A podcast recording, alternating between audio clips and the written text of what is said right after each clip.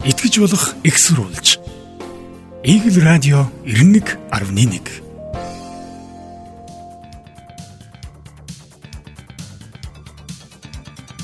Игэл цэгийн сайтын онцлог нийтлэлээс авилгатай тэмцэх газрын даргын томилгоо буюу жижиг чулуугаар хөдлөгсөн том чулуу.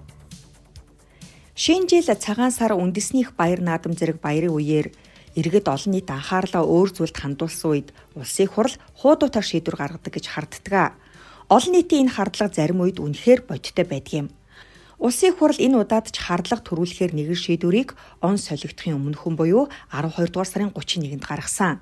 Энэ бол засгийн газраас өргөн барьсан авилгын эсрэг хуульд өөрчлөлт оруулах тухай хуулийн төслийг баталсан явдал юм.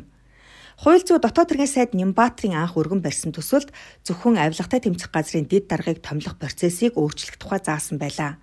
Тодорхойлбол авилгатай тэмцэх газрын дэд даргаыг ерөнхийлөгчийн санал болгосноор улсын хурал 6 жилийн хугацаагаар томилдог зохицуултыг өөрчилж авилгатай тэмцэх газрын дарга нь өөрөө дэд даргаа томилдог болох тухай заасан байлаа. Ингэж өөрчлөх болсон шалтгаанаа хуулийн төслийн танилцуулга дан бичгтээ төрийн албаны тухай хуулийн шинжилсэн найруулгын төслийг улсын хурал 2017 оны 12 дугаар сарын 7-нд батлаж 2019 оны 1-р сарын 1-ээс хүчин төгөлдөр дагаж мөрдөж эхэлсэн. Төрийн албаны тухай хуулийг шинжилсэн найруулгын 7-гийн 1-ийн 8 дахь заалтанд төрийн албанд захирах захирагдах ёсыг баримтлахаар заасныг хэрэгжүүлэх зорилгоор түнчлэн улсын хурлын шийдвэрээр удирдлагын томилдог байгууллагын дэд даргаыг тухайн байгууллагын дарга томилж явахаар болсон. Үүний дагуу тухайлбал статистикийн тухай хуульд өөрчлөлт оруулж үндэсний статистикийн хорооны дэд даргатай байх дэд даргаыг үндэсний статистикийн хорооны дарга томилно гэж заасан. Тиймээс авилгатай тэмцэх газрын дэд даргаыг авилгатай тэмцэх газрын дарга томилдог байхаар авилгын эсрэг хуульд өөрчлөлт оруулах тухай хуулийн төслийг боловсрууллаа гэсэн байв. Улсын хурал дахь сөрөг хүчин арчилсан намын бүлэг уг колын төслийг анханаас нь эсэргүүцэж байгаагаа илэрхийлсэн. Эсэргүүцэх ганц боломжийг ашиглан завсарлага авч хуулийн төслийн хилцүүлгийг 7 хоногоор хойшлуулсан юм. Ардчсан намын бүлгийн завсралгын хугацаа дуусны дараа эрх хоригчид барьцаан ахиулж авилгатай тэмцэх газрын даргаыг ерөнхийлөгч бус ерөнхий сайдын саналаар улсын хурал томилдог болгох тухай заалт нэмсэн. Улсын хурлын хууль зүйн байнгын хорооны дарга бямб цогт үүнийг тайлбарлахдаа засгийн газрын өргөн барьсан төсөлд авилгатай тэмцэх газрын даргаыг ерөнхийлөгчийн санал болгосноор улсын хурал 6 жилийн хугацаагаар томилох хуучин заалт хэвээрээ байсан. Харин байнгын хорооны хуралдааны үеэр улсын хурлын гишүүн Сүхбаатар ерөнхий сайд авилгатай тэмцэх газрын даргаыг санал болгодог болох зарчмын зөрүүлтэй санал оруулж дэмжигдсэн юм. Ингэснээр авилгатай тэмцэх газар нь улсын хурлын дэргэдэх байгууллагын хүрээнд үйл ажиллагаа явуулна.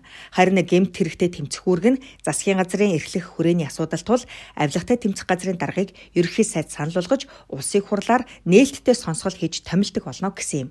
Өөрөөр хэлбэл сая батлагдсан авилгын эсрэг хуульд өөрчлөлт оруулах тухай хуулийн дагуу Монгол улсын ерөнхийлөгч авилгатай тэмцэх газрын даргын томилгоонд оролцох эрхгүй боллоо. Эрх баригчид эхлээд зөвхөн авилгатай тэмцэх газрын дэд даргын томилгоотой холбоотой төсөл өргөн бариад явцын дунд инхүү авилгатай тэмцэх газрын даргын томилгооноос ерөнхийлөгчийн оролцоог хасчихлаа.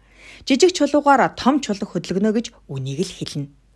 Авилгатай тэмцэх газрын дэд даргаыг томилуулдаг ерөнхийлөгчийн эрх мэдлийг хасахыг улсын хурдах арчсан намын бүлэг эсэргүүцсэн тухай дээр дурдсан. Гэтэл бүр авилгатай тэмцэх газрын дарга дэд даргын хоёулангийнх нь томилгоонд ерөнхийлөгч оролцох эрхгүй болчихов.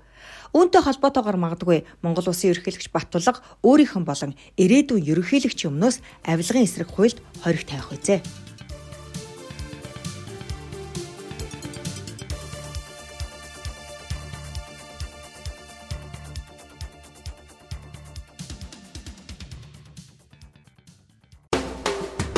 Итгэж болох экссурулж. Игэл радио 91.1